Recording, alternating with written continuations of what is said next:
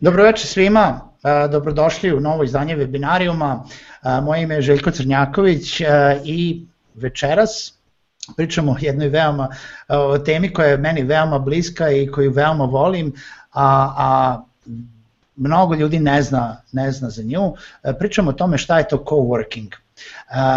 Večerašnji webinar je poseban i zato što imamo prvog gosta i koji nam dolazi iz Hrvatske. Sa nama je osoba koja zna više o coworkingu nego bilo koja druga osoba koju ja poznajem o, o, tome da možemo da pričamo o tome šta je to coworking, a šta nije coworking, za koga je sve i šta bi, šta bi u stvari svi trebalo da očekuju od coworkinga. pa da vam predstavim, znači sa nama je Matija Raos iz Coworking Croatia. Ćao Matija. Pozdrav. A, Matija je predsjednik Hrvatskog društva nezavisnih profesionalaca i Coworking Croatia e, inicijative koja predstavlja coworking koncept u Hrvatskoj. Uh, što nastavimo, večerašnji prijatelji webinara su Infostud, grupa korisnih sajtova i Altus Host, e, hosting visokih performansi, hvala im lepo. pa da počnemo.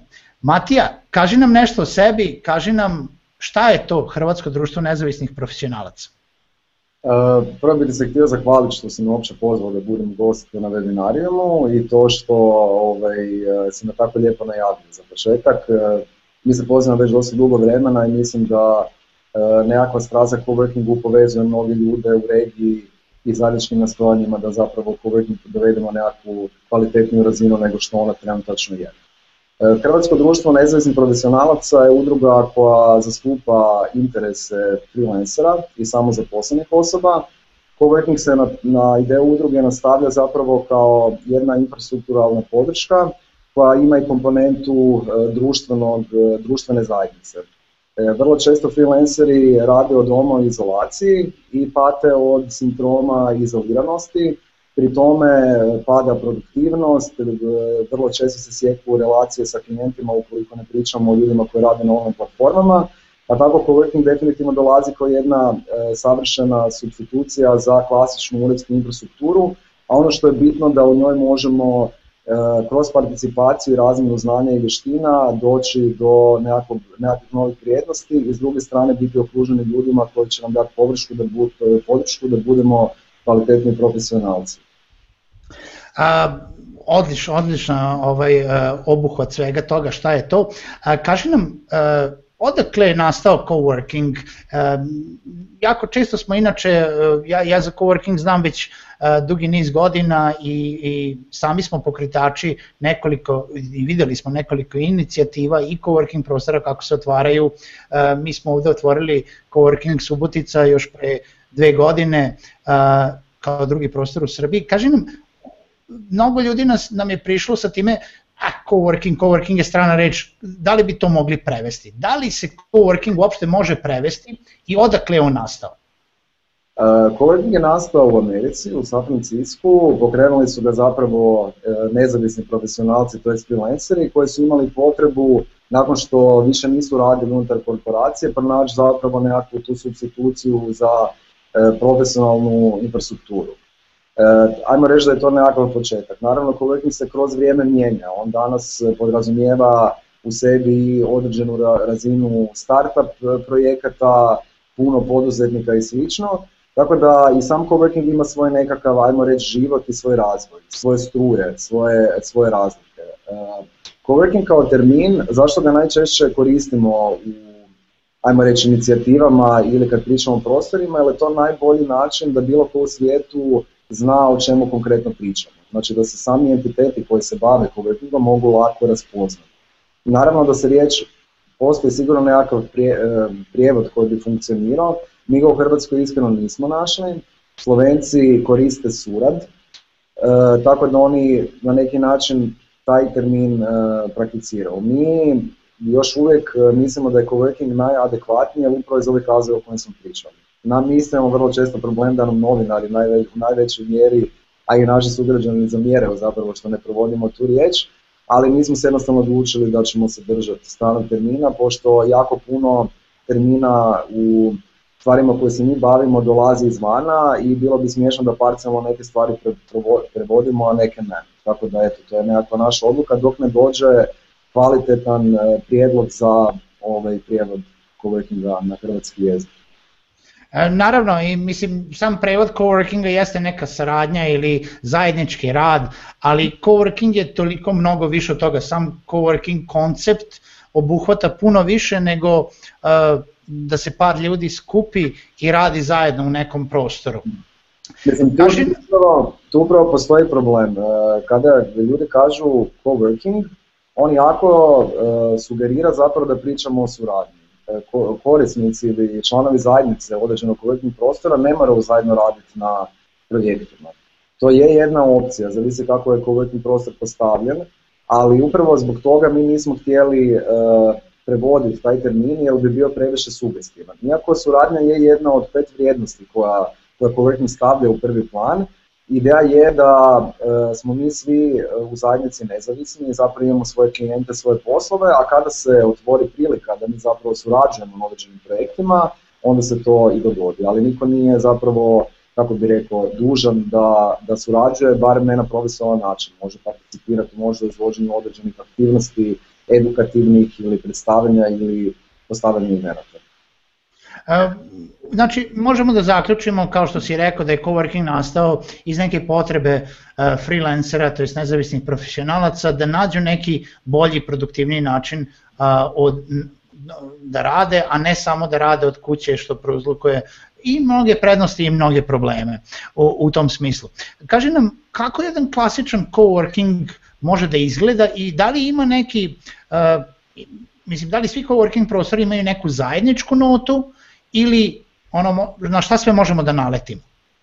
Pa ja mislim da na svijetu ne postoji niti jedan isti kuvertni prostor. Naravno, sad već postoje kompletna mreža kuvertnih prostora koje vjerojatno ima slične karakteristike, ali da je da kuvertni prostor koji zaista drži do zajednice se trudi da se ono organski mijenja e, u skladu sa e, članovima zajednice. To znači da nekakva razina participacije u prostoru sugestijom, znači šta članovi zajednice treba u tom prostoru, isto tako i mijenja taj izgled coworking prostora.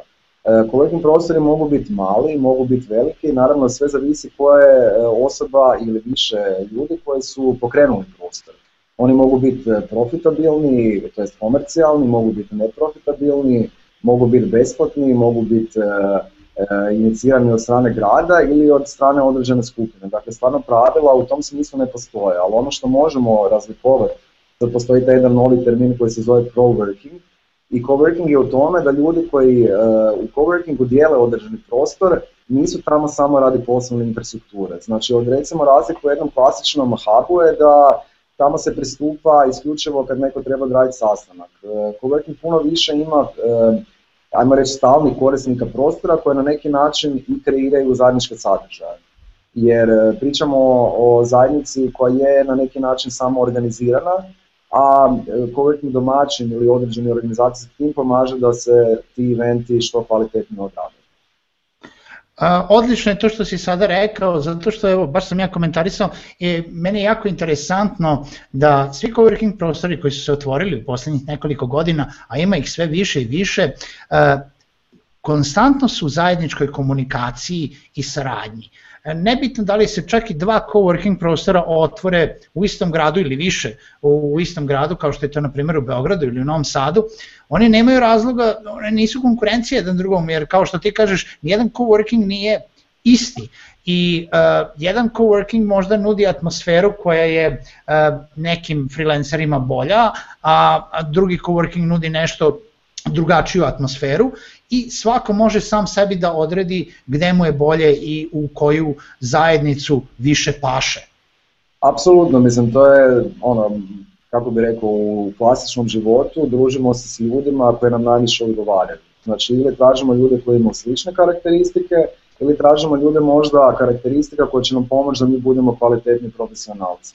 Jer recimo, postoji dva tipa e, coworking prostora u smislu nekakvog fokusa. Neki ljudi će rađe u coworking prostor koji je jako fokusiran, na primjer, na kreativne industrije ili možda na startupe, dok će neko drugi htjeti ići u coworking prostor koji ima puno veću širinu, dakle nema tako postavljen fokus, jer na taj način ima veći potencijal da dođe do poslovnih prilika koje nisu iz njegove struke, jer to je recimo u jednoj klasičnoj zajednici ako je neko dizajner najčešće poznaje dizajnere, a dizajner zapravo neće donijeti posao dizajneru najčešće, nego će možda donijeti posao programjeru. I sad tu zavisi zapravo šta mi tražimo u tome, a isto tako i samo uređenje prostora, ko, je, ko vodi prostor, e, mislim kakav program e, on ima, da li su to meetupi, da li su to edukacije, da li je to consulting, da li je to nekakva poslovna podrška, diktira zapravo koji prostor će nekome najviše odgovarati i to je uvijek individualni izbor. Da pače, mislim da je jako pametno ako već postoji više kuvertnih prostora u jednom gradu, a ima ih naravno sve više i više u svakom gradu, da e, svako isproba više kuvertnih prostora, dok ne pronađu zapravo nešto što ga najviše zadovoljava i dok ne vidi koliko realno može utjecati na dinamiku razvoja tog prostora, znači koliko je neko ko vodi prostor otvoren za sugestije i kritiku na neki način. A, pomenuo si u prethodnom odgovoru a, jednu veoma interesantnu reč i jako bih voleo da razjasnimo, to je sad prilika. Znači imamo coworking, zatim imamo hubove, imamo mm. akceleratore. Možemo li da definišemo šta su razlike između jednih i drugih? I trećih. teško je povući ono čiste linije, ajmo reći, ali zapravo radi se o tome da oni odgovaraju na različite e, potrebe. Jedan klasični e, inkubator, uvjetno rečeno, daje podršku vrlo konkretnom projektu ili određenoj kompaniji da izađe nakon nekog vremena kao uspješna kompanija ili uspješni projekt. Naravno, svaki akcelerator ima, to jest inkubator ima nekakve svoje uvjete i to je recimo neki segment koji nama nije toliko zanimljiv, ali mi definitivno surađujemo sa takvim entitetima jer smatramo da nema potrebe da repliciramo određene programe ako oni već postoje. E, coworking prostor, e, kažem, E, kako je najlakše ga e, možda razlikovati od jednog akceleratora ili inkubatora? Pa po sam programu, zato što recimo jedan e, akcelerator neće raditi evente koji su društveno pretjerano ovaj, orijentirani, nego će puno više stavljati naglasak na profesionalno orijentirane stvari. To sad zvuči paradoksalno, ali zapravo kad pričamo o kolektivnom prostoru, ako na primjer jedan član zajednice želi eh, držati eh, meetupe od WordPressa ili na primjer želi raditi eh, event predstavanja knjige ili želi raditi organizaciju zajedničkog gledanja utakmice, everything goes. Sve zavisi zapravo, kažem, o kojem mi kolektivnom prostoru pričamo. Da u akceleratoru te stvari vrlo često su zatvorene. Znači, Coworking prostor ima komponentu jedne propusnosti, znači pričamo o vrijednostima gdje smo jako otvoreni, E, želimo čuti druge drugi ljudi misle i želimo to zajedno pretvoriti u stvarnost.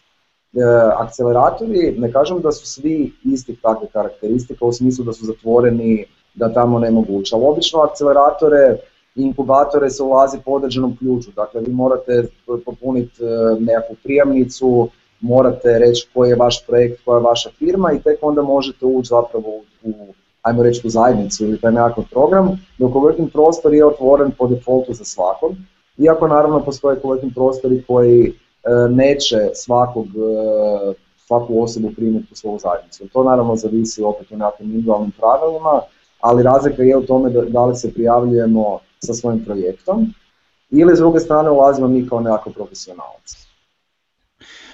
Baš tako, ja bi dodao da evo nekakav suma sumarom svega jeste da inkubatori su za Uh, startupe i neke, kao što ti kažeš, neke, neke mini firme koji tek počinju da se razvijaju, inkubatori im pomažu uh, u tome, u, u tome da naprave taj prvi korak, uh, akceleratori su obično oni koji prihvataju firme koje izađu iz inkubatora i pomažu im kroz kreiranje poslovnih kontakata da ubrzaju svoj razvoj tako što će ih ovaj, upoznati sa nekim poslovnim partnerima do kojih oni sami ne bi mogli doći, dok coworkingzi su najpogodniji za ljude koji bukvalno samo žele da rade e, van svojih stanova, žele da, to jest koji već rade na daljinu za neke veće kompanije, da dobiju neki svoj prostor za rad, da li je to za stalno ili za e, privremeno i naravno da se uključuju u tu celu zajednicu ukoliko žele, jer ne moraju, mogu samo da sednu i da rade u tom smislu, jel tako? Absolutno, mislim, tu, ako gledamo s je ono, ajmo reći, profesionalne strane, velika je razlika da li mi pričamo o resursu timova i projekata ili resursu pojedinca. Zato kažem, coworking je vjerojatno puno više orijentiran na individualca, dok su akceleratori obično fokusirani na timove i projekte. E, dobro, ajde da pričamo malo o tome e, za koga je sve coworking. Znači, ja sam pomenuo već da su to i za svako ko radi na daljinu, ali ko bi bio neko ko bi bio zainteresovan da radi u coworkingu i zašto bi on sad, na primjer, hteo da ode od kuće? Um, e pa tu, tu, su, tu su sad ono, ajmo reći, prvi problem. E, na primjer, freelancer u svakoj državi zarađuje određenu količinu novaca i on će koristiti zapravo svoj kućni ured ili će raditi iz kafića, dok on zapravo ne može platiti određenu cijenu iz koje proizlaze određeni benefiti, iz koje će shvatiti da je coworking zapravo jako dobra stvar, jer onda može biti e, reprezentativniji pred svojim klijentom, znači velika razlika da li ćemo nekoga, izmišljam, održati prezentaciju ili poslovni sastanak u kafiću, ili ćemo to napraviti kod sebe doma ili u kovjetnim prostoru koji zapravo ima kompletnu infrastrukturu da mi djelujemo daleko profesionalno jer mislim da kod nas konkretno u regiji freelanceri pate od jako velike količine predrasuda i upravo mislim da ta komponenta, ali ti nemaš ured, ali ti ne ulažeš u taj segment zapravo svog poslovanja, vrlo često ispušta cijenu rada. Tako da e, moramo razmišljati da ako jesmo e, nezavisni profesionalci, da to ne znači da ne, da ne trebamo biti reprezentativni. Dakle, ta uredska infrastruktura s te poslovne strane i tekako puno znači jer s druge strane ostavlja psihologiju da mi pripadamo negdje. To je bitno i za klijenta, a s druge strane bitno i za nas, jer puno lakše, mislim to je ljudska psihologija, kada se možemo identificirati s određenom grupom ljudi i kada možemo našeg klijenta zapravo dovesti u neki prostor koji, koji to može i pokazati e, zapravo kroz, kažem, sad se možda vraćamo u uređene prostore i ljude koji tamo rade kao nekakva veća slika koja je puno jači argument. E, benefita ima, mislim, benefiti su jako različiti. To je sigurno povećanje produktivnosti jer e, freelancer koji radi od kuće zapravo ne razdvaja svoj privatni život od svog poslovnog života. Ono što se vrlo često događa da postoji jako velika količina stranputica, pogotovo ako još recimo neko u braku ima djecu, ako nema adekvatno e, pripremljen zapravo kućni ured on je konstantno suočen sa jako velikom količinom distrakcija. Ja sam taj. u tom smislu stvara jednu psihološku među gdje mi znamo, ok, ujutro se probudim, otuširam se, pripremim se, pojedem doručak, odlazim u prostor za rad, radim tamo i onda kada napustim taj prostor zapravo sad više ne radim. I to je jedna urednost koja je jako teško održati dok si freelancer, mislim to iz osobnog iskustva ja mogu reći, i dešava ti se da cijelo vrijeme u principu radiš, radiš, radiš, ali da ne shvaćaš da jako veliku količinu vremena ti zapravo ne radiš, nego da ti trošiš na nekakve zapravo kućanske stvari. Mislim, pogotovo ako treba ovaj, ne znam, skupati ručak, eh, otići negdje, tako da ja mislim da ljudima to jako puno može pomoći da stvori tu jednu liniju između poslovnog i privatnog i s druge strane E, i postoji ta predrasuda o freelancerima kao budiš se u 12 ili ne znam, spavaš cijelo vrijeme, e, što nekad je istina, zavisi koje je neko struke, ali s druge strane ti kad kažeš u uredu sam ili ne znam u prostoru sam, to nekako kod nas još uvijek ide, drži vodu. Jer mi nismo nekako, ne znam kako bi to rekao, mi nismo savladali tu jednu razinu e, pirensa, znači kako mi izgledamo i kako djelujemo, nego nam je taj aspekt bitan. Tako da i to, s te strane zapravo to puno može pomoći. E, ja uvijek, moram, ja uvijek dijelim, e, kada objašnjavam ljudima šta je coworking, uvijek dijelim na one, kao što si ti rekao, neko koji ide od kuće zato što ne može kući da radi jer nema idealne uslove, jer mora da kuva, pere, pegla, čuva decu, deca trče okolo, ti treba da imaš poslovni sastanak, a imamo jako puno ljudi koje znamo koji kaže Radio sam posljednja tri dana, nisam pričao ni sa kim, nisam izašao iz kuće i potrebno mi je e, neka, potrebna mi je promena i coworking u tom smislu nudi taj aspekt da ste vi sa nekim u kancelariji, da možete da napravite pauzu, da zajedno pojedete nešto, popijete nešto, možda čak i napravite neki projekat zajedno e, ili počnete da radite na nekom projektu zajedno. Evo, webinarijum e, je nastao iz E, i uz pomoć ljudi koji su se okupili u Coworking Subotica i on je prvobitno bio projekat Coworking Subotice, nakon čega je pre, prerastao u brand sa 6-7 ljudi koji aktivno radi oko njega.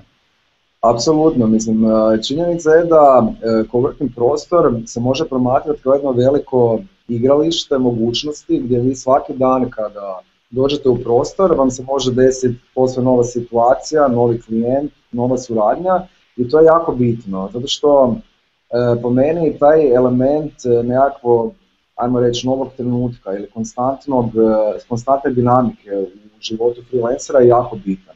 Isto tako to je bitno i za poduzetnike, ljude koje traže ideje, koje traže kvalitetne, kvalitetne ajmo reći, suradnike ili ljude koje će angažirati, ovaj, to čini jako veliku razliku.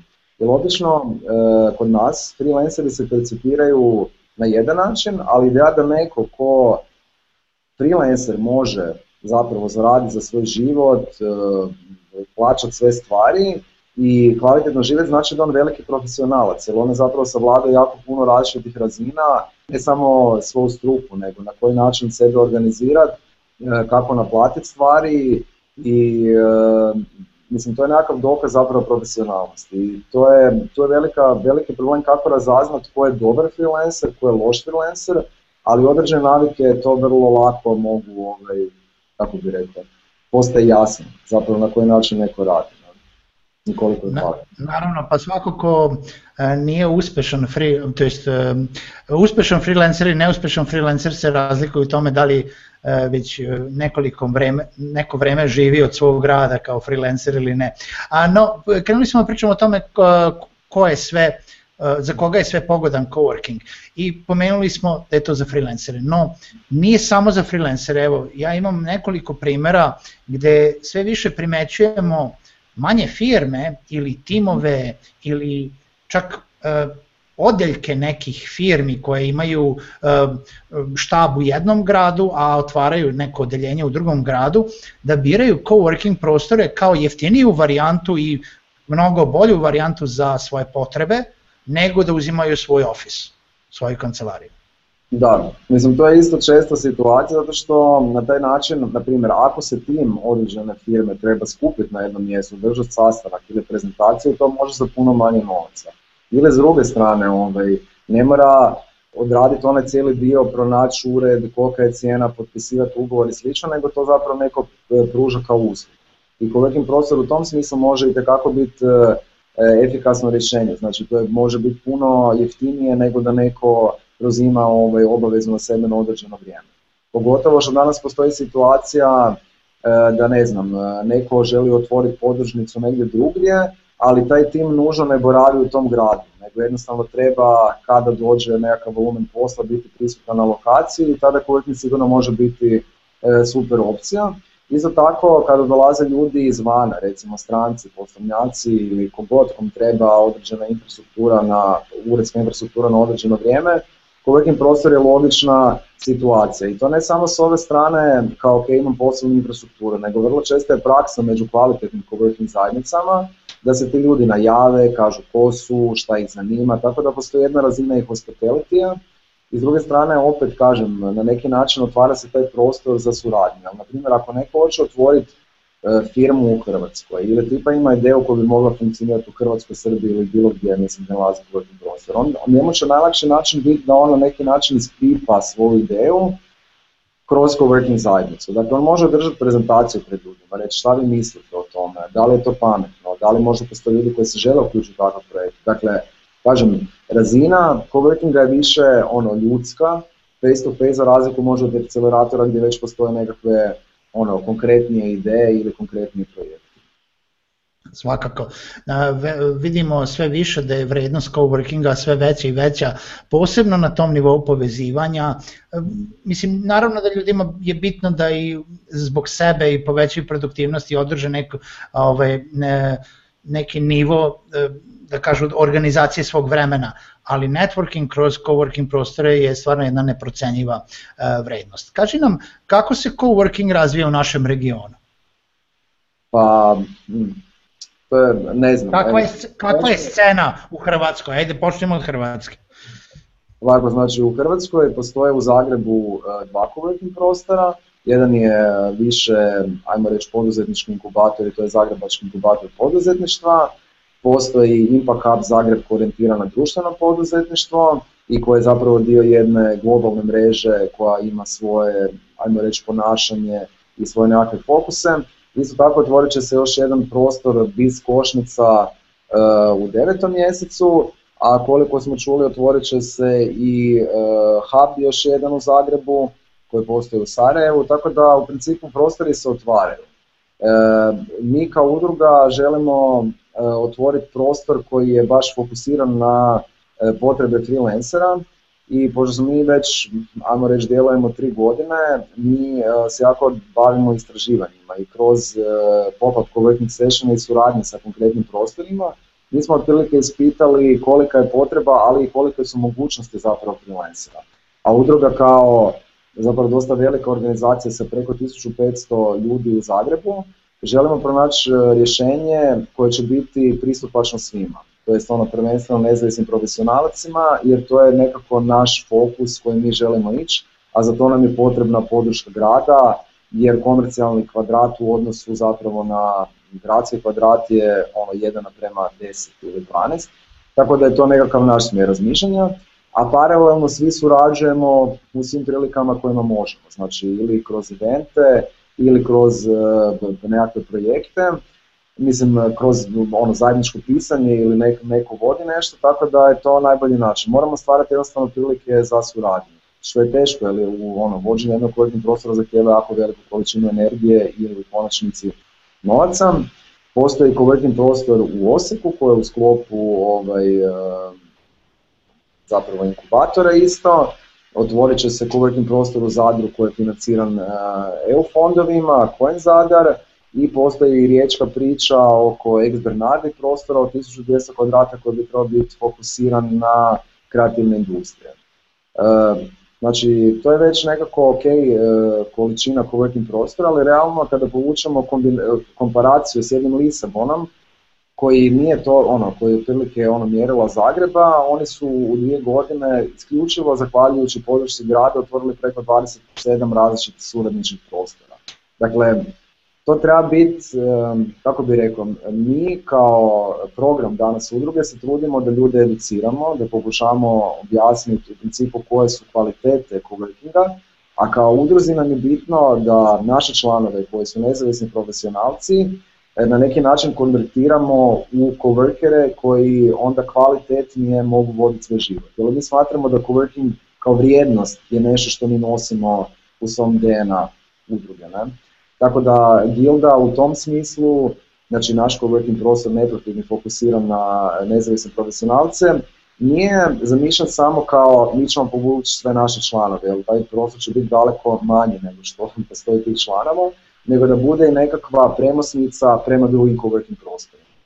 Zato što je logično da ako neki od naš, naših članova ima fokus prema startupima ili društvenom inovacije, da ga usmjerimo na, na mjesto koje će mu stvoriti e, najbolje okruženje za njegov prosperitet. I naravno nisu svi ljudi u Zagrebu, nego u različitim gradovima i mreža coworking prostora s te strane nam je jako bitna, jer djelujemo nacionalno, ne samo u Zagrebu. Meni je jako interesantna priča koju, si rekao, zato što vi postojite, kao što ti kažeš, već tri godine, a e, vi ste recimo u sklopu Coworking Croatia, koja i dalje nema svoj prostor, ali e, se bavi veoma, veoma važnim poslom e, tog edukovanja i, ljudi i širenja priča o coworkingu i vi ste sigurno bili inspiracija mnogim coworking prostorima širom Hrvatske da se otvore šta u Osijeku, šta u Zadru nije trebao biti jedan coworking prostor i u Splitu? E tako je, postoji coworking prostor u Splitu, evo ispričavam se, znači zove se, to je u sklopu zapravo Celinog prostora, atmosfera. E, oni u principu imaju nekakav svoj život, nisu toliko otvoreni, ali mi se čini da su i oni sad nekako zaživjeli. Postoji još inicijativa, znači ja sam sad malo ubrzo, postoji zapravo inicijativa i u Rovinju, E, isto tako u sklopu e, Rojca u Puli postoji određena inicijativa. Dakle, mi pričamo još o puno više potencijalnih coworking prostora. Ne? Kažemo, mi se trudimo da sa svima obavimo barem nekakvu osobnu komunikaciju da ih podržimo na najbolji mogući način, jer Coworking Croatia trenutačno je zamišljena kao nacionalna coworking zajednica koja može pružiti podršku, da li komunikacijsku, da li edukacijsku, da li e, pripremom zajedničkih eventa ili aktivnosti, da se preusmjere ljudi iz određeno, ono, kako bi rekao, lokalno u određeni coworking prostor. E, baš tako, znači edukacija i širenje coworking koncepta je veoma, veoma bitno. E, I u Srbiji se, e, pa evo, pre dve i po godine je postojao jedan jedini coworking prostor, Smart Office u Beogradu, e, koji je bio onako pionir što se tiče coworkinga. Postalo je još mnogo inicijativa, postoji Coworking Srbija, koja i dalje isto kao i vi radi na edukaciji ljudi u Srbiji vezano za coworking, ali se trude da oforme nešto što će zadovoljiti puno veće potrebe nego mali coworking prostori, ali inače postoje sve više niču coworking prostorija, evo coworking Subotica je bila druga, nakon toga imamo dva u Novom Sadu, imamo u Nišu, imamo inicijativu u Zrenjaninu, imamo inicijative još na nekim mestima, Također znam, a, a i ti si upoznat da kroz regiju postoje inicijative u Makedoniji, postoji coworking prostor u Sarajevu kao i ovaj coworking uh, BiH, coworking Slovenija ima svoj prostor, ne znam da li imaju još više coworking prostora od samo tog jednog, ali u svakom slučaju jako je zanimljivo da iz ceo region počinje da se rađuje, tu se raz, razmenjuju ideje i to, to je opet kažem nešto što nije, nema tu bilo kakvog e, znači nema competition, nema, nema, nema konflikta u svakom slučaju čak ni coworking prostorima koji se organizuju u istom gradu jer, jer su toliko različiti. ako natjecanje postoji to je sigurno, kako bi rekao, ono pozitivno natjecanje. Mislim logično je da je puno kvalitetna situacija kad e, jedni druge činimo boljima mislim nije to ono klasično natjecanje, ali e, to je bitno, zato što u principu ako postoji samo jedan coworking prostor u gradu ili dva, onda ljudi jednostavno zaključe to je to. I u principu ove aktivnosti koje povezuju te prostore ili koje generiraju nekakve nove sadržaje, otvaraju prostor za druge entitete koje žele krenuti u coworking. Kažem, postoji jako puno prostora koji sebe ne nazive u coworking prostori, ali u realnosti jesu suradnički prostori koji su možda fokusirani na E, na primjer nekakav Fab Lab ili, ili tako nešto koji postoje u Zagrebu. E, zato kažem, to je sve pitanje kako se neko identificira i na nama e, prvenstveno kao nekome ko se bavi soft komponentom coworkinga trenutačno je da te entitete kvalitetno povežemo da bi generirali što veću korist za zajedničke korisnike i nacionalnu coworking zajednicu. Svakako. ono što možemo isto da kažemo, jeste da, da mislim, i možemo da predvidimo da će u budućnosti biti sve više i više coworking prostora, jer ljudi prepoznaju, ja mislim da je ceo region malo više usporeniji što se, što se mm. tiče ovaj, e, našeg regiona, da malo teže prihvataju, da, da čak i kada se otvore coworking prostori, mi smo imali tu situaciju, ljudi jednostavno treba da se naviknu na to koje su to benefiti, da probaju pa da vide e, da li im to odgovara, da li im ne odgovara i nekako više da im, da im dođe da to nije nešto novo i da, treba da se plašimo nečega, nego jednostavno da to predstavlja. Veoma mi je e, veliko zadovoljstvo da, da vidim da sve više IT zajednica počinje da se rađuje zajedno. Znači, postoji nenormalan broj recimo IT zajednica koje sam nedavno upoznao u Srbiji koji se bave šta samo WordPressom, šta samo nekim drugim programskim jezikom. E, bilo čime e, što okuplja neko, da li gamere, e, da li, evo mi kao webinarijum gde edukujemo zajednicu i počinju da, da komuniciraju jedni među drugima e, čineći, e, mislim, un, želeći da unaprede i sebe i drugu i te zajednicu zato što će time unaprediti kako shvatanje nekog neke šire javnosti, tako i sve one koje to zanima i pokušat će da, da, da ojačaju naše društvo u tom smislu. Matija, kaži mi, vi, kao, e, vi ste oformili Hrvatsko društvo nezavisnih profesionalaca, to je u suštini jedno udruženje freelancera, je li tako? Tako. A, e, Šta udruženje, vaše udruženje e, ima za cilj kako, kako ste vi to zamislili da pomognete freelancerima, osim toga da ih edukujete jel, da, da nađu coworking prostore? Ovako, mi smo uh, lansirali, ajmo reći, uh, eh, uh, eh, rekrutaciju freelancera u 9. mjesecu 2014. godine. Dakle, to nije bilo toliko davno, ali smo na samoj pripremi radili dosta dugo. Mi smo bili u komunikaciji zapravo s različitim freelance organizacijama u Europi i u svijetu, na koji način kvalitetno krenuti. Jer kada nastaje nova organizacija, zapravo sve je obećanje, a nije nešto konkretno i bilo nam je bitno da regrutiramo određenu količinu ljudi koja bi mogla aktivno participirati u tome što su zapravo naši najveći problemi i kako identificirati potencijalna rješenja. Tako da kad smo mi, e, ajmo reći, regrutirali određenu količinu ljudi, nama je bilo jako bitno raditi prvo istraživanje zapravo freelance potreba u Hrvatskoj, gdje u kojem je sudjelovalo preko 1300 ljudi, što je vrlo značajna brojka i ima, ajmo reći, težinu temeljem koje mi možemo, kojim smo mogli te informacije plasirati zapravo i u medije, e, u javnost da kažemo ok, ovo su naši problemi, treba nam pomoć, e, vladaju određene predrasude i e, početi promišljati kako da dođemo do rješenja. Dio istraživanja je bila zapravo koji su to konkretni prioritetni programi koji bi se mi kao udruga trebali baviti.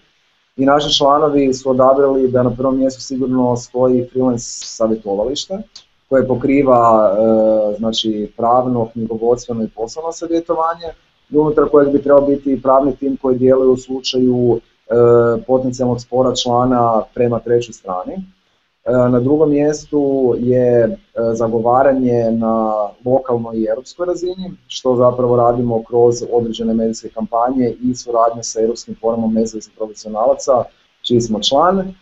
I to, to su nekakve, ajmo reći, ono glavne stvari. A onda pored toga smo odlučili da moramo definitivno investirati u edukaciju i zamislili smo program uh, Freelance Akademije koji je bazirana na tome da naši članovi s određenim eh, znanjima to, člane, eh, to znanje prenose drugim članovima. Tako da jedan naš član na neki način može zaraditi tako što pruža edukaciju drugim članovima što stvara taj određeni ekosustav koji dugoročno funkcionira.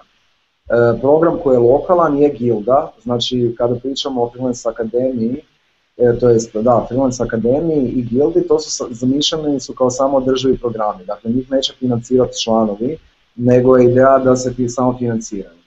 Znači da budu zamišljeni kao da su samo znači puno više, ajmo reći, poslovno, i bitno nam je da članovi prepoznaju u prilic, u udruzi priliku i za zaradu i za znanje, a da ne gledaju zapravo još jednu organizaciju koja će diktirati kako bi stvari trebale funkcionirati. Znači mi smo ono, obični ljudi koji, koji žele čuti koji su problemi i moći odreagirati na njih u što kraćem roku. Naravno, kao svaka organizacija tu postoje veliki problemi, jer ako mi sad već imamo preko 2250 članova, ta dnevna komunikacija zapravo uzima jako puno vremena, a mi zadnjih pet godina na neki način kroz Coworking Croatia i sad udrugu volontiramo i odvamo jako veliku količinu vremena i isto tako pronalazimo ove načine kako da budemo što samo održiviji, a da ponudimo što konkretniji i kvalitetniji program člana.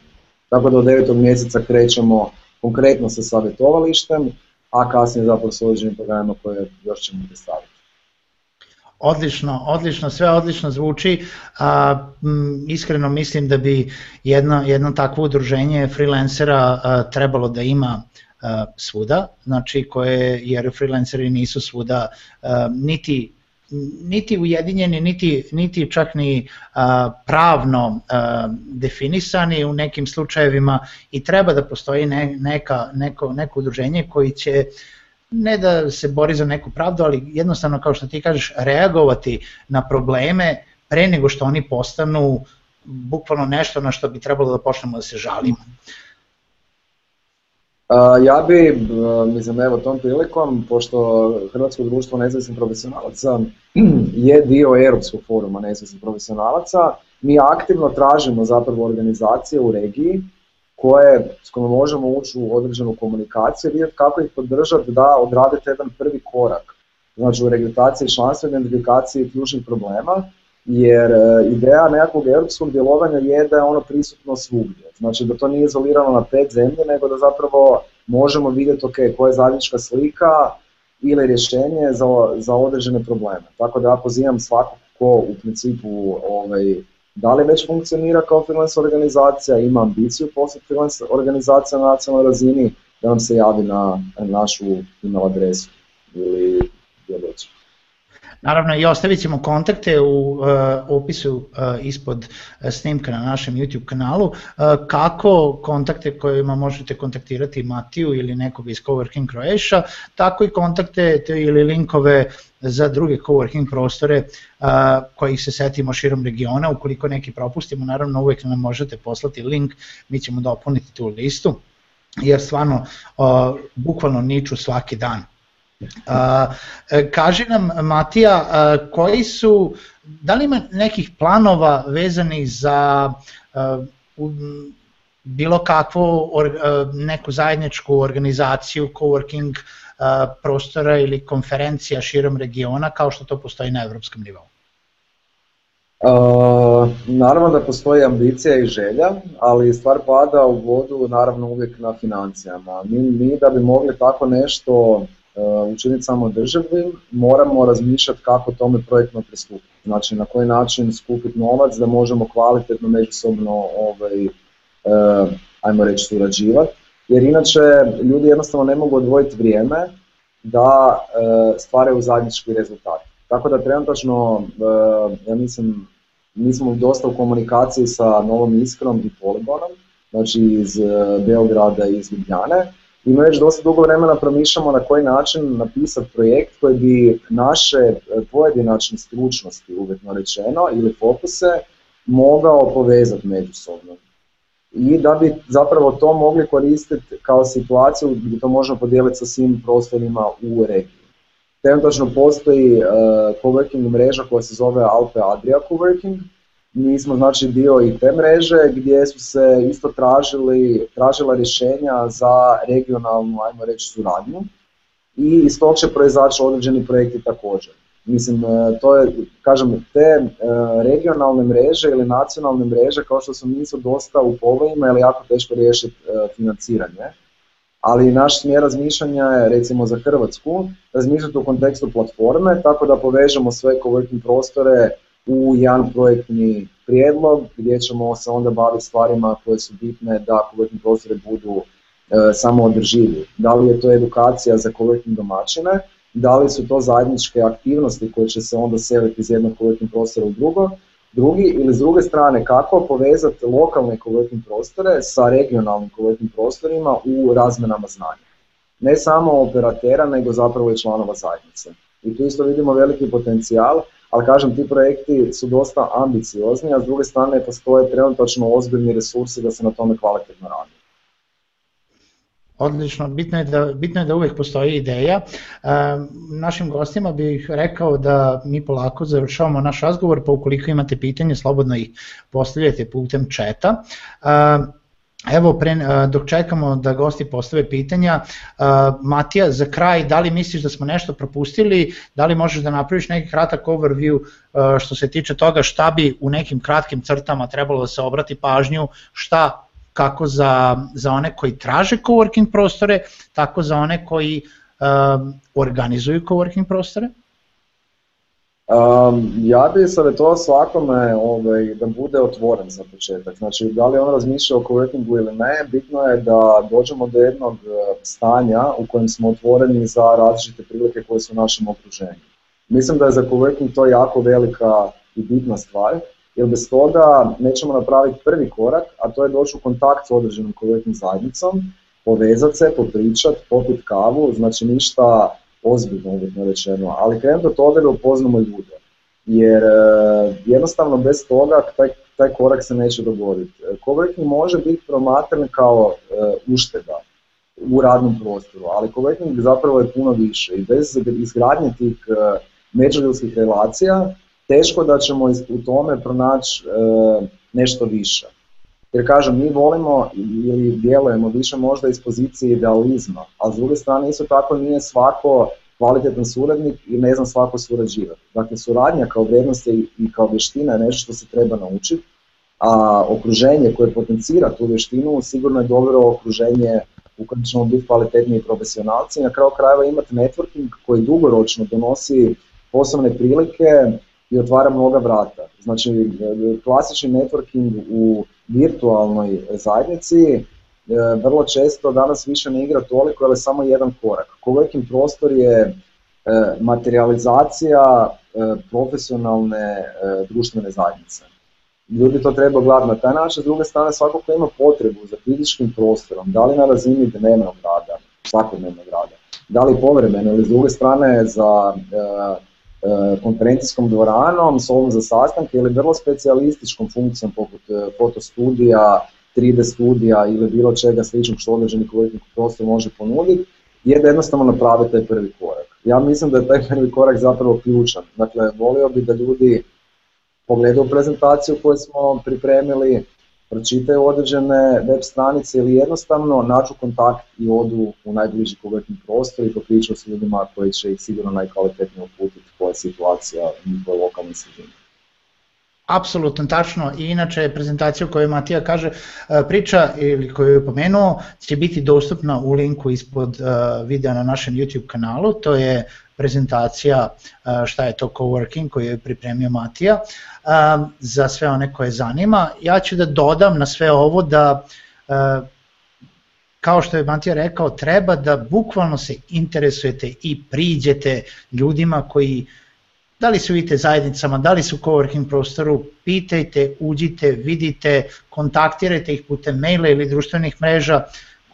Ukoliko ne znate da li postoji coworking, prostor ili koji je vama najbliži coworking prostor, slobodno kontaktirajte, ostavit ćemo kontakte Matine iz Coworking Croatia za, za Hrvatsku, nas možete kontaktirati putem društvenih mreža na webinarium RS, to je facebook.com slash webinarium.rs ili twitter at webinarium.rs ili nam možete poslati mail na info.webinarium.rs i sigurno ćemo vam odgovoriti šta budemo znali. Za Suboticu možete posjetiti coworkingsubotica.com koji se nadamo da uskoro nosi neke novosti i promjene, o tome e, nešto više malo kasnije, ovo je sad bio jedan mali tiz.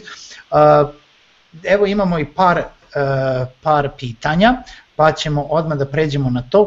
E, kaže ovako, zanima me da li je ok da coworking menja oblik spram tipa ljudi koji ga posećuju i da li je ok da se deo coworkinga rentira za neke manje kompanije tako da bude i shared space?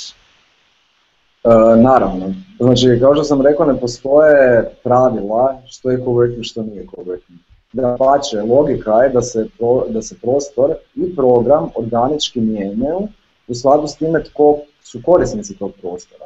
Znači, to je sigurno tako. Mi moramo kao coworking domaćini osluškivati što su potrebe naše zajednice. To je vjerojatno najveća razlika između shared office i coworking prostora u tom jakom tehničkom smislu. Dakle, u shared office ti kažeš trebam 5 kvadrata, trebam ne znam toliko utječnica, trebam ovo, trebam ono i deci, zapravo više ne postoji nekakva interakcija između tvog, eh, kako bi rekao, E, osobe ili kompanije koje ti znaju prostor, dok u coworking, pro, prostoru klasično je upravo obrnuta situacija. Dakle, ako imamo potrebu, mi trebamo iskomunicirati. Ako imamo problem, trebamo ga iskomunicirati. Znači, puno je nekako bitnija ta ljudska relacija i promjena na kraju kraja. E, Evo idemo dalje, sljedeće pitanje, baš se nadograđuje na ovo. Da li su bolji manji ili veći coworking prostori, šta su prednosti, a šta mane? Ovako, e, nema da li su bolji ili loši, to je pitanje da li, da li to pitanje dolazi iz pozicije nekoga ko želi otvoriti coworking prostor ili korisnika, to je člana coworking zajednice. E, nekako najveći problem s malim prostorima, iako su oni intimni na neki način i kvalitetna je komunikacija između korisnika, to je članova zajednice, e, probleme je financijske prirode. Dakle, mali prostori će uvijek biti daleko skuplji nego što su to veći. Mislim, to je jednostavno pitanje mjerila i poslovnog plana. I sad, ono što se nekako računa da prostor ispod nekakvih 160 kvadrata je teško financijski opravdati, to jest on mora imati jako veliku količinu aktivnosti s kojima će on kompenzirati zapravo, e, kako bi rekao, taj nedostatak količine prostora. Jer u realnosti, poslovno gledano, najviše se novaca e, zarađuje ili ulazi u zajedničku e, Mm, zajednički budžet kroz rentanje ili soba za sastanke ili pripremu evenata, određena sponzorstva i slično. Dakle, trebamo imati na umu da prije nego što se kreće u otvaranje kuvertnih prostora treba prekrenuti kvalitetan poslovni plan ili barem projekcija. Svakako, e, u principu to je to naši dragi gledalci, vidjeli ste nadamo se da smo uspeli da odgovorimo šta je to coworking, šta nije, za koga je, zašto bi trebalo da vas zanima. E, nadamo se da smo barem malo ubacili neku trunku zainteresovanosti e, za to da saznate više, da možda posetite neki coworking koji se nalazi u vašem gradu ili e, ukoliko putujete je isto dobra opcija da a morate da radite na tom poslovnom putu, da odete u neki coworking, da, da vidite, da probate da sednete na nekoliko sati i da iskusite atmosferu koja e, se nalazi tamo naspram rada u kafiću ili, ili negde drugde. E, ja želim da se zahvalim našem večerašnjem gostu, Matija, puno ti hvala što si bio večeras sa nama, bila nam je izuzetno čast da te imamo. Ti si sad, de, si sad odakle nam se javljaš iz Splita? Da, ja sam slučajno zapravo u Splitu, trebao sam biti u Zagrebu, ali evo bio sam na jednom e, kratkom godišnjem odmoru, a zapeo sam tako da Evo, zato sam i tako taman, uhvatio sam boju. Eto, samo jedan dokaz da e, stvarno na, nemamo razloga da pravimo bilo kakve pauze u našim emisijama, možemo da organizujemo webinare, nebitno gde su naši gosti, da li su na moru e, ili su na godišnjem odmoru, naravno koliko oni imaju vremena i volje da nam se pridruže. želim da se posebno zahvalim svima Uh, izvinjavam se, uh, nedavno je završena naša crowdfunding kampanja uh, koju smo imali u posljednja dva meseca, iako nismo dostigli cilj koji smo, koji smo planirali, postigli smo 10% sredstava od, od navedenog cilja i neko može da misli da je to neuspeh, mi sa druge strane mislimo da smo ostvarili jedan veliki uspeh gde smo uspeli da, da dođemo do do nekoliko ljudi koji stvarno želi da nas podrži e, i verujte mi i tih 10% što smo skupili smo uspeli da unapredimo neke stvari unutar e, šta tehničkih, šta marketinških aktivnosti webinarijuma, tako da puno hvala svima koji su učestvovali na crowdfunding kampanji, nadamo se da ćemo uskoro imati jednu čitavu temu e, za vas, a do, pripremamo i mnogo, mnogo novih stvari u, u skorišnjem periodu. Pa do sledećeg webinarijuma, Matija, E, lepo se provedi na moru, još malo što je ostalo, hvala ti lepo, Ćao, a svim gledaocima želim prijatno veče i vidimo se na sledećem webinarijumu.